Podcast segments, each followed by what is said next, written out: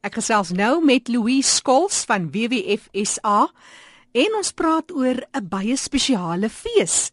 Louise is juis die spesiale projekte koördineerder, dis vir 'n lewende planeet. Sy vertel ons meer oor 'n eerste vir Kaapstad. Dis 'n hernubare energiefees. Louise, klink goed. Vertel ons meer. Wel, ons is baie opgewonde. Ons dink dit is 'n 'n eerste of 'n werklike netjie vir Suid-Afrika, definitief vir Kaapstad.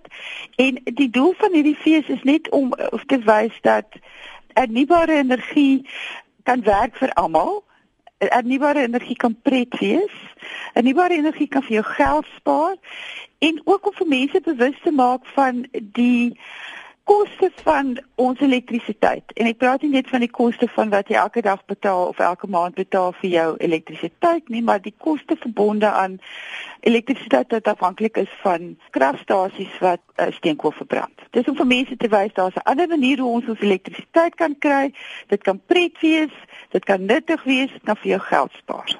Nou hierdie fees is verniet gratis vir almal, jonk en oud. Hoe werk julle? Waar is dit? Ons is 'n regeringsorganisasie wat befondsing gekry het en ons vernoot in die fees AIDC het ook befondsing gekry. So ons gee daar voordeel deur vir vir almal wat wat wil kom.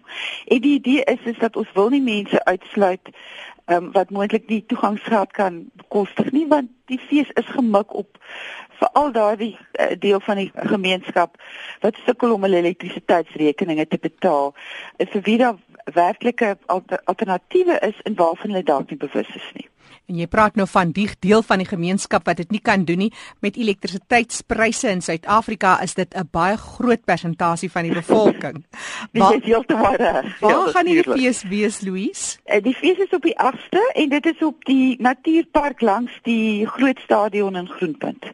Nou as 'n mens praat van 'n fees, uit die aard van die saak is daar interaksie met oud en jonk. Hoe beoog julle om dit te doen waar julle mense gaan opvoed ten opsigte van hernubare energie? Ag, ons het 'n fantastiese program.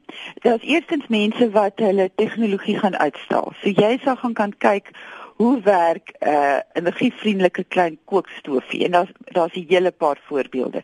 Jy gaan kan sien hoe jy jou fiets kan gebruik om 'n smoothie vir jouself te maak. So daar's vreeslike oulike uitstallings wat uh, spesifiek gerig is op op hernubare energie. Maar dan is daar ook uh, kunsfluitstalletjies, daar's 'n poppespel vir die kinders, daar's 'n wetenskapsentrum vir die kinders waar hulle ook baie interaktief kan kyk na tegnologie.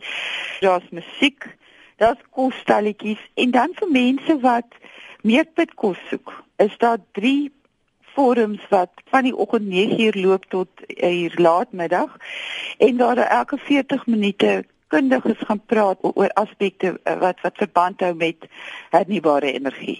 So daar's baie prettige goed om te doen, maar daar's werklik baie pitkos ook en die en die sprekers wat ons gekry het is is mense van die regering. Ehm um, dis mense van welbekende ehm um, nie-regeringsorganisasies soos Greenpeace, dis mense uit die private sektor. Dit dit werklik die kwaliteit van die sprekers wat gaan praat daar's uitstekend. Daar's mense van die stad Kaapstad. Ehm um, ek kan amper iemand uitdaag om te sê tussen ons ons reeks sprekers gaan daar een iemand is wat jou aan die brand gaan steek. Letterlik. Dis Louise Skols van WWF Suid-Afrika. Sy werk vir spesiale projekte vir 'n lewende planeet en dis presies wat WWF hom voorbind ywer vir 'n lewende planeet. In so 'n fees is daar sekere platforms wat geskep word, maar wat is uiteindelik die doelwit? Wel vir WWF, ons Seize Your Power campaign is gerig daarop. Eerstens om te sê dat ons moet meer geld investeer in hernubare energie Aan die ander kant moet ons ophou om geld te investeer in in fossiel brandstof. Met ander woorde, ons kan nie aanhou om ons elektrisiteit van kool eh, van van steenkool te kry nie. So ons hele eenheid is is gerig daarop om 'n uh, beywer onsself vir 'n lae koolstofomwenteling vir Suid-Afrika. Solank as ons so afhanklik is van steenkool, gaan ons altyd sit met 'n ongelooflike uh hoë koolstofvoetspoor. Ons is, is van die hoogste in die wêreld. Dis 'n ongelooflike vuil energie en ons sit met al hierdie son en wind. Ons kan totaal 100% afhanklik wees van hernubare energie. Ons het glad nie steenkool nodig nie. So die doel van die fees is om vir mense so af te wys wat hulle vandag kan doen maar om hulle ook bewus te maak van van 'n alternatiewe manier van energieverbruik. Louise, daar's altyd baie kante van een saak. Hoe gebalanseerd is WWF ten opsigte van julle uitkyk na byvoorbeeld iets soos kernkrag? Wat sou jy vir ons uitlig? Hoe sien julle dit as 'n organisasie? Kyk, kernkrag op sigself is 'n is 'n ongelooflike skoon energie. Maar jy sit met 'n probleem met met die afvalproduk wat jy van ontslaa moet raak en wat hoogs hoogs toksies is. En ek dink uh, ons het gesien wat gebeur het in Japan 2 jaar gelede En ek dink toenemend uh, in aansluiting daarbey, ons sit in 'n in 'n wêreld waar die klimaat en ons weerpatrone meer en meer deurmekaar loop. So waar sit jy jou kernkragsentrale waar jy seker is dat hy nie deur 'n tornado getref word of deur een of ander vloed of deur een of ander natuurramp nie, want sodra dit gebeur het jy 'n probleem. Hmm. En kernkrag gebruik ongelooflik baie water. Dit is hoekom hulle dikwels op die kus sit want hulle gebruik soutwater wat hulle desaliniseer en dit gebruik hulle vir hulle operasies. So ons het daar klaar met 'n probleem met 'n kernkragsentrale wat wat hier reg by die Kaapstad sit. So kernkrag op sigself is fantastiese skoon energie, maar dit het 'n dit het 'n risiko aan verbonde wat as goed verkeerd loop, is die risiko buite verband met die voordeel van daai skoon uh, ja. krag. Die laaste ding is is dat kernkragsentrale is ongelooflik duur om te bou. Suid-Afrika sal erns moet gaan geld leen en sal moet erns die geld kry om daai lening en rente terug te betaal. Selfs eh, regeringsamptenare worstel met daai probleem van hoe, hoe gaan hulle uh, hulle somme laat stop. Risiko's is altyd daar in enige omgewingspraktyke. As ons byvoorbeeld kyk na windturbines en ons kyk na hoe kwai loop byvoorbeeld krities bedreigde roofvoël spesies. Hoe kry 'n mens balans en wanneer is daar waar jy kan sê dit is 'n beter opsie? Daar's tog sekere tandekry probleme in enige ander projek ook.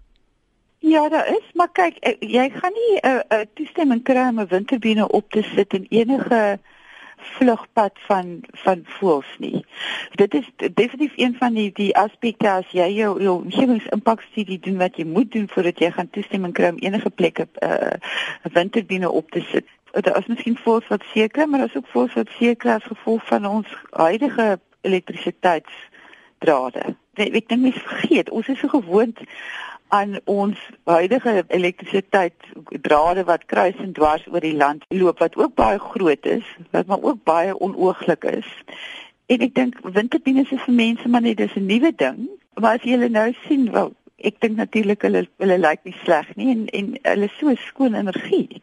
En so gesels Louise Skols. Louise is projekbestuurder vir spesiale projekte. Dis nou by WWF Suid-Afrika vir 'n lewende planeet. Louise, en hierdie komende Saterdag, die 8ste Februarie, het julle 'n hernubare energiefees. Net gou-gou weer daai besonderhede. Is daar 'n webtuiste waar mense kan gaan kyk, meer besonderhede kry? Daar's 'n Facebook bladsy. Ons is nou nie ons in die tyd van tegnologie. So jy hmm. kan net gaan na die uh, Renewable Energy Festival en jy gaan al die details en besonderhede kry daar. En die wat nou nie Facebook doen nie, wat julle webtuiste? Dan moet hulle dan moet hulle gaan na na ons webblad uh, www.org.za. Daar's ook 'n webtuiste vir die fees www.renewableenergyfestival.co.za. En so gesels Louise Skols spesiale projekbestuurder vir 'n lewende planeet by WWF Suid-Afrika. Gemaak 'n draai op hulle webtuiste vir die en ander interessante nuus. Dis wwf.sa.org.za.